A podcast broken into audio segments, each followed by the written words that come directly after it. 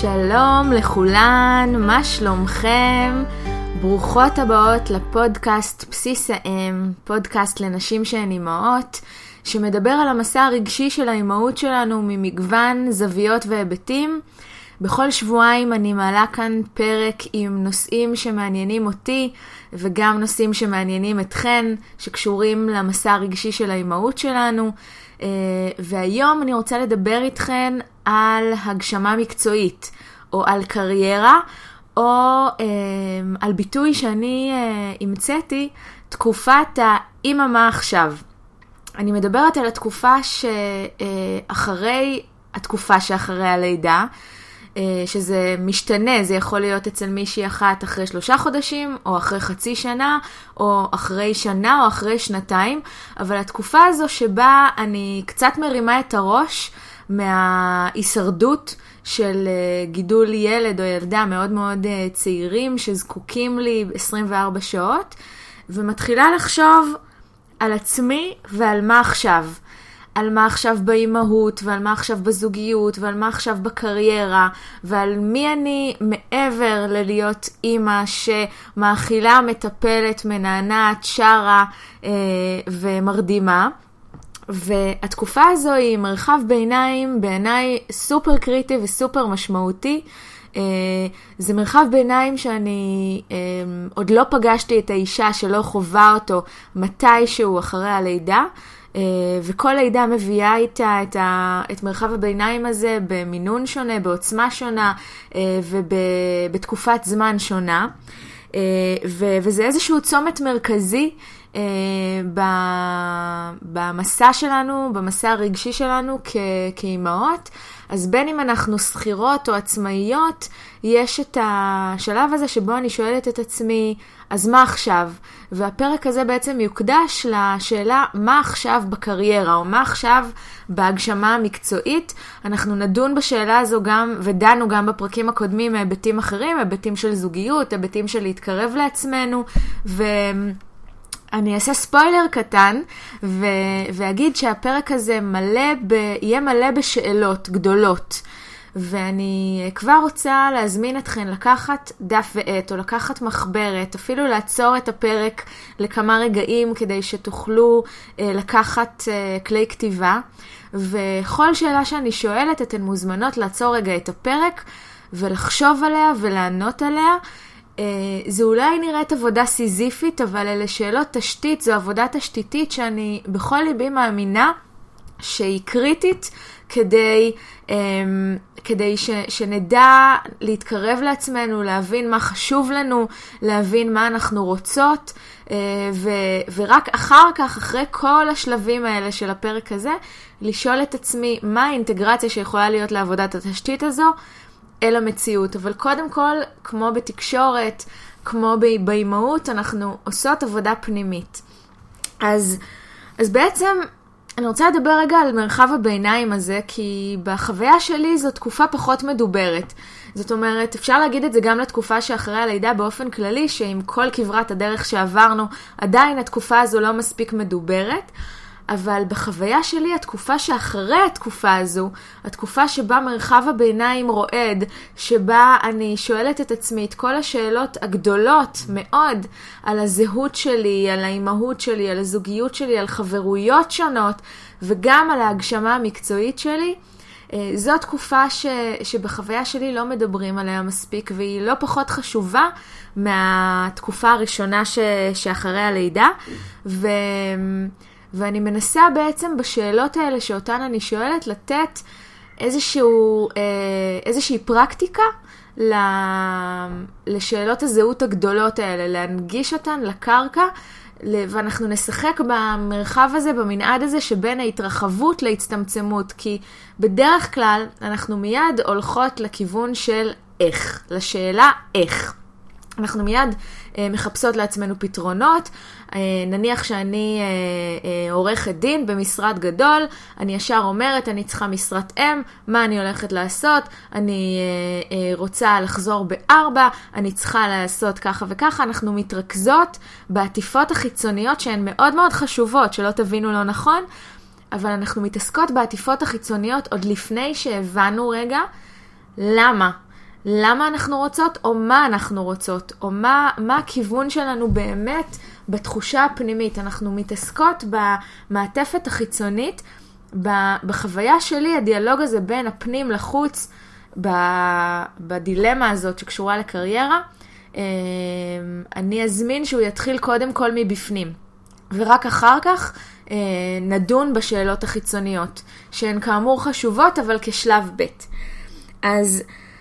אז בעצם אני, אני מגלה שבמרחב הביניים הזה אה, חשובים לי דברים אחרים. אני לפעמים נהניתי מדברים אחרים לפני, ועכשיו אני מוצאת שאני פחות נהנית מהם.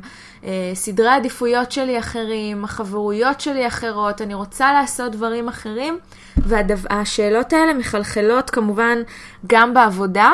אני יכולה לספר לכם בסיפור האישי שלי, אני כשעדי, הבכורה שלי, נולדה, עבדתי אה, כמנהלת משאבי אנוש בחברת סטארט-אפ, והייתי בטוחה שאחרי שלושה חודשים אני אחזור לעבודה כרגיל, והייתה אה, לי איזושהי הרשת של אישה קרייריסטית, או דימוי של אישה קרייריסטית, ו...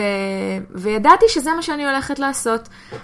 בסופו של דבר המציאות הגיעה וטפחה על פניי ונשארתי בבית חמישה חודשים, חזרתי לעבודה אחרי חמישה חודשים אמ, וגיליתי שמשרת האם הזאת במרכאות היא לגיטימית או אטרקטיבית בשוק, שככל שתהיה לא מתאימה לי, כי חזרתי הביתה אה, פעמיים בשבוע וראיתי את הילדה ישנה ולא יכולתי לשאת את זה. לא יכולתי לשאת את המחשבה שבמשך כמעט חצי מהשבוע אני, אני רואה אותה ישנה. וזה הסיפור שלי, זה מה שהתאים לי, זה כמובן לא משליך על אף אחת אחרת, אני לא מייצגת אף אחת אחרת כאן כשאני מספרת לכם את זה, רק את הסיפור האישי שלי. אה, ועזבתי את מקום העבודה הזה לטובת תפקיד דומה, כי עשיתי את העבודה הפנימית והרגשתי שאני רוצה להמשיך בתפקיד כזה, במקום, אה, א', שיאפשר לי יותר גמישות, כי הבנתי שמה שחשוב לי זה גמישות, ו, וב' שיהיה בו איזה ש, ש, שיהיה בעבודה הזו איזשהו אלמנט חברתי. זה במהלך uh, התקופה שאחרי הלידה אני גיליתי על עצמי שמאוד מאוד בוער לי ההיבט החברתי, גם בהיבט של להנגיש את התקופה שאחרי הלידה ואת הקשיים שלה לאימהות אחרות, אני כל הזמן כתבתי על זה, כל הזמן דיברתי על זה, וגם לא התאים לי לחזור להייטק מכל מיני סיבות, אה, כן חזרתי, בדקתי את זה תקופה, ואחרי כמה חודשים אה, עברתי למקום אחר, לעמותה, אה, ומאז כמה שנים עשיתי תפקידים דומים בעמותות.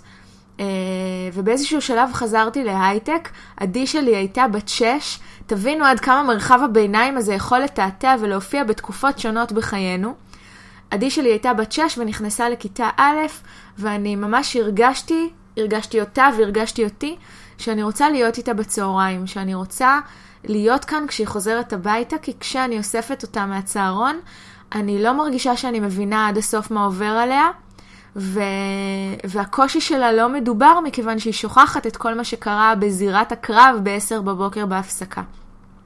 אז באותו רגע כל הפלטפורמה הזו שהכשרתי, הקרקע שהכשרתי, של לימודי הטיפול, של לימודי האימון, של, אה, אה, של הכל התנקז לרגע הזה שבו החלטתי להתפטר בגלל סיבה חיצונית. זאת אומרת, היקום דפק לי בדלת. ו, והגעתי למסקנה שאני רוצה לעשות את הצעד הזה, ולפעמים באמת סיבה חיצונית יכולה לגרום לנו לעשות את בדק הבית הזה, כמו פיטורים, כמו חופשת לידה, כשזה קצת יותר אה, פשוט מבחינת התנאים להתפטר אחרי חופשת לידה, כי מקבלים את כל התנאים. אה, ו, ואז בעצם פתחתי את העסק שלי כשעדי הייתה בת שש, מאז כבר עברו ארבע שנים.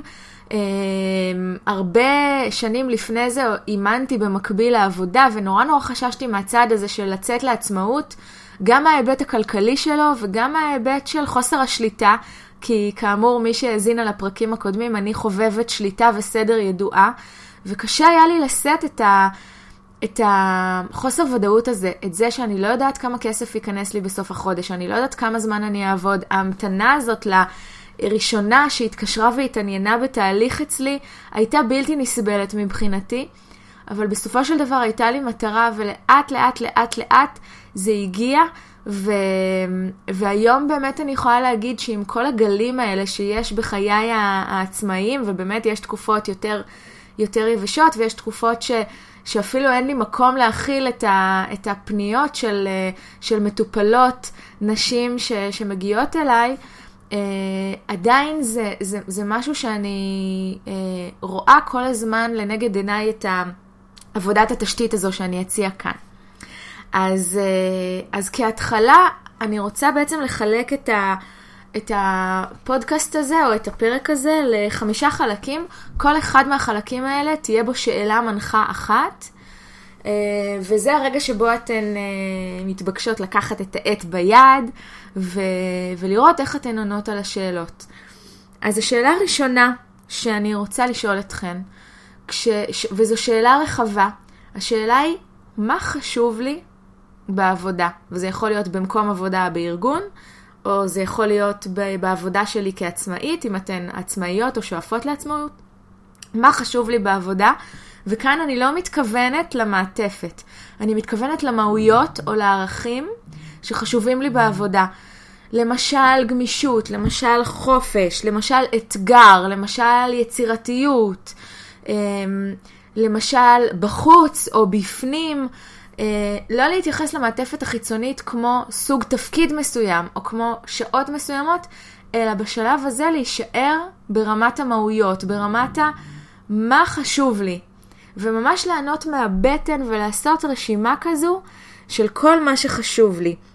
וברגע שיש לכן אה, רשימה ארוכה, אתן מוזמנות לבחור, וזה קצת משפט שלמה, אז אני מתנצלת מראש, אבל זה הדבר היחיד שייתן אינדיקציה למתוך כל הדברים שחשובים לי, וזו יכולה להיות רשימה של אפילו 50 ערכים, מה הכי הכי חשוב לי. אז לנסות לסמן בעיגול או במרקר את, חמי, את חמישה הערכים או חמש המהויות שהכי הכי הכי חשובות לי. אה, ולסמן אותן. עכשיו זה לא אומר כמובן שהשאר לא חשובים או הפכו, אה, הפכו להיות אה, לא רלוונטיים, אבל זה כן אומר שהחמישה העליונים שבחרתי, ברגע שבחרתי אותם, יש לי יותר מחויבות כלפיהם. ברגע שבחרתי את החופש במקום ראשון, אז זו איזושהי גולת כותרת שמנחה אותי כרגע בבחירות שלי. או, או גם אם אני בוחרת לוותר במרכאות על החופש לטובת הערך השני, שהוא ערך האתגר למשל, אז זו בחירה מושכלת שאני עושה. כל הפרק הזה עוסק בעצם באפשרות להרחיב את הפרספקטיבה על מנת לבחור. זה לא אומר שאם בחרתי חמישה ערכים, אני חייבת שכל אחד מהם יהיה בעבודה החדשה שלי. אני לא חייבת, אבל אני ארצה שכמה שיותר מהם יהיו נוכחים בעבודה הבאה שלי, כדי, ש... כדי שאני אוכל להיות בה יותר מרוצה, יותר מסופקת. אה, וכשאני מקבלת את מה שחשוב לי בעבודה, אני יותר מרוצה ויותר מסופקת. אה, נקודה חשובה, הבהרה חשובה, בכל פעם במהלך הפרק הזה שאני אכתוב מילה מסוימת, אני רוצה לפרש אותה לעצמי. זאת אומרת, אם בחרתי במילה גמישות, או במילה איזון, או במילה חופש, אני רוצה לכתוב עליה משהו. אני רוצה להתייחס אליה ולכתוב איזשהו משפט שמתאר מהו חופש בשבילי, מהי גמישות בשבילי. כי הדקויות האלה מאוד מאוד חשובות. חשוב שאני אנסח לעצמי מה זה אומר גמישות. ובניסוח הזה אני כבר מגיעה לשלב ב' ואני יכולה גם להכניס אלמנטים מהמעטפת. זאת אומרת, גמישות בשבילי היא גמישות מבחינת השעות, מבחינת זה שאני יכולה לחלוש על תחום מסוים, ו- והמנהל או המנהלת שלי מתערבים כמה שפחות, לא עושים לי micro-management. למשל, גמישות זה אומר בשבילי שאני יכולה יום בשבוע לעבוד מהבית. Uh, בהיבט הזה אתן יכולות בהחלט להכניס את הדברים מהמסגרת או מהמעטפת, כי אנחנו רוצות לשרטט לעצמנו מה הערך הזה אומר עבורנו. וכמה שזה יהיה יותר מחובר לקרקע ויותר uh, יותר, uh, נגיש או יותר מפורט, כך יותר טוב. אז זו בעצם השאלה הראשונה. השאלה השנייה היא, במה אני טובה? אותה רשימה, זאת אומרת לא אותה רשימה, רשימה אחרת, לעשות רשימה של כל הדברים שבהם אני טובה, לא רק בעבודה. אם אני טובה בבישול, אני אכתוב שאני טובה בבישול, ואם אני טובה בלמידה, אני אכתוב שאני טובה בלמידה, או כתיבה, או יצירה, או עבודות יד, או, או סבלנות, להיות סבלנית עם אדם אחר, או תקשורת, או יחסים בין אישיים, גם אם כרגע אני עובדת בעבודה משרדית שהיא מול המחשב ולא מול אנשים, אם אני מזהה על עצמי שאני טובה עם אנשים, אני כותבת את זה. גם אם אין לזה קשר לעבודה, אוקיי? לקחתי שלוק לרגע. אמ, אז אני בעצם עושה איזושהי רשימה של כל הכישורים והחוזקות שלי כפי שאני יודעת אותם. במידה ויש ביניכן מישהי שקשה לה לעשות את הרשימה הזאת, בעיקר הפרפקציוניסטיות בינינו, יכולות להתקשות להגיד במה הן טובות, אתן מוזמנות לשאול את הסביבה הקרובה שלכן, לבחור שלושה אנשים ממרחבים שונים בחייכן, למשל אחד מהעבודה, אחד מהמשפחה הגרעינית ובן הזוג שלכם, או אפילו את הילד שלכם אם הוא מספיק גדול, או אה, חברה. לבחור שלושה אנשים שמכירים אתכן במרחבי חיים שונים ולשאול אתכם, לשאול אותם במה אתן טובות. ובמידה ואתן לא אה, מתחברות לתשובה שלו, או למשל אם מישהו יגיד לי שאני אמיצה ולא התחברתי לזה, אני אשאל אותו, איפה אתה רואה את זה? תן לי דוגמה. כדי להתחבר לפידבק הזה, כדי שלא יהיה מצב שבו נאמר לי פידבק שהוא לא מתאים לחוויה הפנימית שלי, ואז אני לא אוכל לקחת אותו פנימה. אז אני בעצם, הרשימה הראשונה היא רשימה של מה חשוב לי, הרשימה השנייה היא רשימה של במה אני טובה. המרחב, המרחב הזה של, uh, שאני פותחת של במה אני טובה, הוא מרחב סופר חשוב, כי גם אם אני אבחר עבודה שהיא לא מממשת את מלוא הפוטנציאל של מה אני טובה, כדי להגשים את עצמי, אני אולי אבחר אם אני יודעת שאני טובה בבישול, אני אולי אבחר לסמן לי ביומן פעם בשבוע שבה, שבה, שבה אני מבשלת, גם אם זה לא במסגרת העבודה, גם אם זה ביום שישי בבוקר, לפנות לעצמי זמן לדברים שאני טובה בהם. ומה שמוביל אותי לשאלה השלישית, ממה אני נהנית? ממה אני נהנית? האם אני נהנית מיצירה? האם אני נהנית מקריאה? האם אני נהנית מניקיון? יש כאלה שנהנות מניקיון, תאמינו או לא. לא אני, אני נהנית לסדר.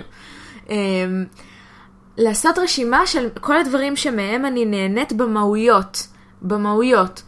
לא לכתוב עבודה, אה, לעבוד על מחשב, אלא לכתוב את המהות שמסתתרת מאחורי זה. מה את נהנית לעשות מול המחשב? את נהנית לעבוד, לעבוד עם מספרים?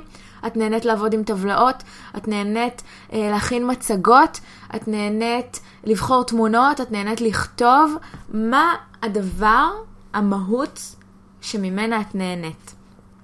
והמרחב שבעצם מחבר את הכישורים והחוזקות שלי למרחב ההנאה שלי, הוא, מרחב, הוא המרחב המשותף הזה שבו אני רוצה כמה שיותר להיות. אני רוצה כמה שיותר חפיפה בהגשמה שלי, בקריירה שלי וגם בבית, בין הדברים שאני טובה בהם לבין הדברים שאני אוהבת לעשות או נהנית מהם. למשל, אם אני טובה בבישול וגם נהנית מבישול, זה משהו שאני ארצה להרחיב בחיים שלי. בלי קשר לעבודה. אני ארצה להרחיב ולעשות אותו עוד ועוד, כי אני יודעת שהוא מרגיע אותי, כי אני יודעת שאני טובה בו, כי אני יודעת שאני מזינה אחרים, כי אני יודעת שהוא חשוב לי, כי אני יודעת שאני נהנית ממנו, כי אני יודעת שאני מדליקה לעצמי מוזיקה ועפה על החיים במתכונים משוגעים, ו- ועם הצבעים של האוכל. Uh, אתן מבינות, המרחב הזה הקטן, שבו הדבר הזה שכתבתם פעמיים בשתי הרשימות, או בכלל, ככל שתהיה יותר חפיפה בין הרשימות, אנחנו מתחילות להבין שאלה המקומות בהם היינו רוצות להיות. זאת אומרת, אם בכל חמש הרשימות כתבתי למידה, או כתבתי חופש, סימן, זה סימן נוסף מעבר לדירוג שעשיתי, סימן נוסף שחופש הוא סופר סופר חשוב לי. כי אני גם נהנית מחופש ואני גם טובה בלקחת לעצמי חופש ואני גם חשוב לי חופש. אתן מבינות? ככל שיש יותר חפיפה, זה, אלה המקומות שאני רוצה להיות בהם. ו, אמ, וזה מוביל אותי לשאלה הרביעית שלי, אמ, איפה הזרימה שלי? זרימה זה מושג אה, ש... שהמציא פסיכולוג יפני שנקרא מיהי צ'ינקס מיהי, אני לא מאמינה שהצלחתי לבטא את השם הזה. הוא חקר את מושג הזרימה, flow, אה, שבעצם אומר, הרגעים האלה שבהם אני והפעולה שלי הופכים להיות אחד, זאת אומרת, יש הזדהות מוחלטת בין, ההוויה שלי לבין הפעולה שלי, ואני שואלת אתכן, איפה המקומות שבהם אתן מזהות בעצמכן זרימה? אצל ילדים מאוד מאוד קל לראות זרימה. מאוד קל לראות את הילד בונה פאזל, ונכנס לחלוטין לתוך הפאזל, והוא לא הולך לשירותים, ולא מעניין אותו אוכל, ולא מעניין אותו אפילו ממתקים. הוא לגמרי לגמרי מזוהה עם הפעולה ש, אה, שבה, שאותה הוא עושה, ואנחנו לא רוצות להפריע לדבר הזה. אז אני שואלת אתכן, איפה אתן מרגישות את הדבר הזה? אתן מרגישות את הדבר הזה כשאתן קוראות, כשאתן שומעות מוזיקה, כשאתן רוקדות. אצלי, אני שמה לב שכשאני קוראת ואני נכנסת לעומק וזה ספר שמושך אותי, אני יכולה יום שלם להיות בתוכו, וזה יהיה על חשבון אוכל, על חשבון שתייה, לא מומלץ, לא מומלץ, אבל uh, זה, זה מה שקורה לי. על חשבון המון המון דברים אחרים, אם אני יכולה להיכנס לתוך הדבר הזה במלואו, אני נכנסת. אותו דבר קורה לי כשאני מכינה מצגות, כשאני מכינה, מכינה את עצמי לאיזושהי סדנה או הרצאה שאני מעבירה. אני כל כך אוהבת להכין את המצגת, לבחור את התמונות, לבחור את הפונטים. אני נהנית מהשינויים האלה שאני עורכת במצגות. אני אף פעם לא מעבירה את אותה הרצאה פעמיים, אני תמיד, גם אם זה אותו נושא, אני תמיד אשנה את המצגת. אוסיף שקף, אוריד שקף, כי אני פשוט נהנית מזה. אני נהנית מזה ואני גם זורמת במקום הזה. המקום שבו אני זורמת, הוא המקום שבו אני רוצה להיות, שאני רוצה לאבד את עצמי קצת בתוך הפעולה. יש בזה אלמנטים של הנאה ויש בזה אלמנטים של יצירתיות ופרודוקטיביות. אני הרבה יותר יעילה כשאני מזוהה לחלוטין עם, עם, עם הפעולה וכשאני מאבדת את עצמי שם. אה, זה אולי המקום, מרחב הביניים הזה, או המרחב המשותף הזה, שבו מתאחדים הדברים שאני נהנית מהם והדברים שאני טובה בהם, המרחב הזה של הזרימה. אה, אז זו השאלה הרביעית, והשאלה החמישית שאולי תזכיר לכם את השאלה הראשונה של מה חשוב לי, אבל זה קצת אחרת. השאלה הזו אומרת, למה אני זקוקה כדי להיות במיטבי? זה לא דומה כל כך למה חשוב לי. כאן אני מתייחסת לצרכים שלי, לצרכים שלי במקום העבודה, או לצרכים שלי בהגשמה שלי. מה, למה אני זקוקה? מהם הצרכים שלי? למה אני, מה אני צריכה במקום העבודה? ו, וכאן יכולות להיות לי גם תשובות פרקטיות. אני צריכה מרחב לעבוד בו, זאת אומרת, אני צריכה חדר, אני צריכה שעות גמישות, אני צריכה חופש, אני צריכה להיות יצירתית, אני צריכה שהמנהל שלי יסמוך עליי, אני צריכה לעבוד עם אנשים. אני, מה, מהו הדבר? זו שאלה אגב שהייתי שואלת הרבה בראיונות עבודה. כשהייתי אה, מראיינת מועמדים לעבודה בתור מנהלת משאבי אנוש, תמיד הייתי שואלת את השאלה הזאת, מה יגרום לך להיות במיטבך כעובד? מה אנחנו יכולים לתת לך כארגון כדי לאפשר לך לפרוח? ו, וזאת שאלה שדורשת רגע לעצור, להת, להתמקם פנימה, להסתכל פנימה, אה, מעבר לזה ש, שסיטואציה של ראיון היא סיטואציה מלחיצה, אה, המרואיין אומר לעצמו, היי, hey, מישהו רואה אותי כאן, מישהו מבין שאני חשוב, כי הוא שואל אותי איך אני יכול לפרוח. וזה ווין ווין כמובן לכל הצדדים, כי אני רוצה שהעובד הזה יפרח, כי אני רוצה שהוא יישאר איתי אם אני רוצה לגייס אותו. והוא רוצה לפרוח, כי קריירה זה לא, זה לא דבר של מה בכך, אנחנו אה, אה, עובדים לא רק בשביל כסף. זאת אומרת, הרבה פעמים אנחנו זקוקים לכסף, אבל אנחנו הולכים לעבודה ואנחנו רוצים להגשים את עצמנו דרכה. אנחנו מבלים בה המון המון שעות. ובמהלך היום שלנו, ואנחנו רוצים שיהיה לנו מעניין, שיהיה לנו מאתגר, שנוכל למצות את עצמנו, את הפוטנציאלים שלנו, לפרוח שם. אז אני מפנה את הכדור אליכן ואני שואלת את, אתכן, מבקשת מכן לראיין את עצמכן בהיבט הזה ולשאול, איפה אתן יכולות לפרוח? מהו המרחב שאתן זקוקות לו כדי לפרוח? או מה מכבה אתכן? למשל, אני יכולה להגיד לכן, לכן על עצמי ש, אמ, שמה שמכבה אותי זה, זו רוטינה ואדמיניסטרציה. זאת אומרת, אני יכולה לזהות שאני מאוד מאוד טובה באדמיניסטרציה, אבל אם אני אצטרך לעשות את אותו דבר כל יום מחדש ולא יהיה שום שינוי, זה ישעמם אותי ויכבה אותי. אז על אף שכתבתי אדמיניסטרציה או תפעול או הוצאה לפועל ברשימת הדברים שבהם אני טובה, אין לזה חפיפה עם שום מקום אחר, אז גם אם אני טובה בזה, זה לא בהכרח אומר שאני נהנית מזה ושאני ארצה לעשות את זה. אה, והיה לי דיאלוג לא פשוט עם העניין הזה של אדמיניסטרציה, כי בכל תפקיד שאי פעם עשיתי, כולל העבודה הנוכחית שלי, יש ב, ב, בכל עבודה היבטים של אדמיניסטרציה. גם בעבודה הנוכח, הנוכחית שלי, שיווק, יש בו עניין של אדמיניסטרציה.